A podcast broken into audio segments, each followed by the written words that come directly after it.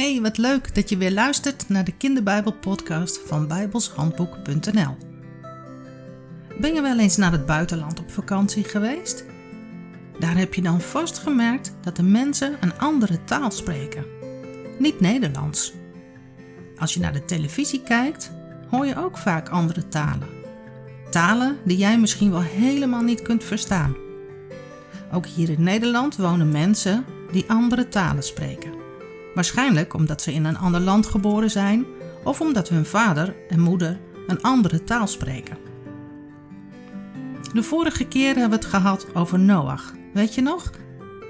Noach die van God een ark moest bouwen en die samen met zijn familie de zondvloed overleefde. Hij had drie zonen. Weet je nog hoe ze heten? Jawel toch? Sem, Gam en Jafet. Noach's zonen kregen na de zondvloed veel kinderen. En die kinderen kregen later ook weer kinderen en die kinderen ook weer kinderen. En al gauw waren er dus weer veel mensen. God had de mensen de opdracht gegeven om zich te verspreiden over de aarde. Een grote groep mensen ging in het oosten wonen, bij de vlakte van Sinear. De grond was daar heel vruchtbaar. Een van de mensen die daar ging wonen was Nimrod. Hij kon heel goed jagen maar hij was ook een van de eerste mensen met heel veel macht. Hij wilde niet dat de mensen zich zouden verspreiden over de aarde, maar hij wou juist dat ze bij elkaar bleven wonen. En daarom liet hij de mensen een stad bouwen. Zo kon hij mooi de baas over ze spelen.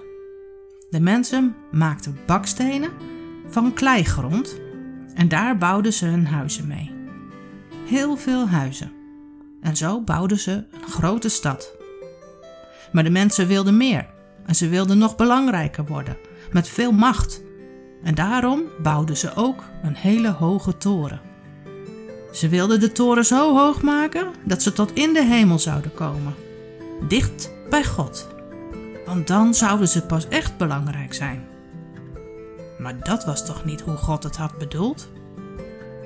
De Heere God daalde neer om naar de stad en de toren te kijken en de Heer zei: Kijk nou, deze mensen vormen nu één volk. Ze voelen zich weer eens heel groot en heel machtig en ze blijven allemaal op dezelfde plek wonen.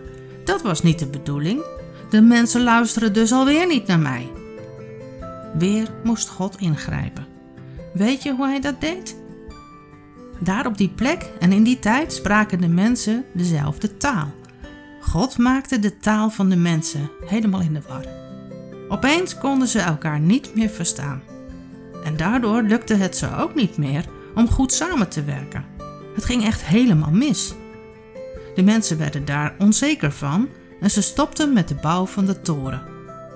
En de mensen die dezelfde taal spraken, konden elkaar nog wel verstaan en zochten elkaar op. Ze bleven dicht bij elkaar en besloten hun eigen plek op aarde te gaan zoeken en daar te gaan wonen. Een plek waar ze allemaal dezelfde taal spraken. Zo zorgde God er toch voor dat de mensen zich over de aarde verspreiden. Want dat was zijn bedoeling. De stad met de toren kreeg de naam Babel. Babel betekent verwarring. Want daar maakte God de taal dus in de war. Weet je hoeveel talen er nu in de wereld gesproken worden? Meer dan 6000. Dat is veel, hè? Goed, dat was het verhaal van de toren van Babel. Dit verhaal staat in het boek Genesis. Volgende keer weer een nieuw verhaal uit het woord van God, de Bijbel. Tot gauw!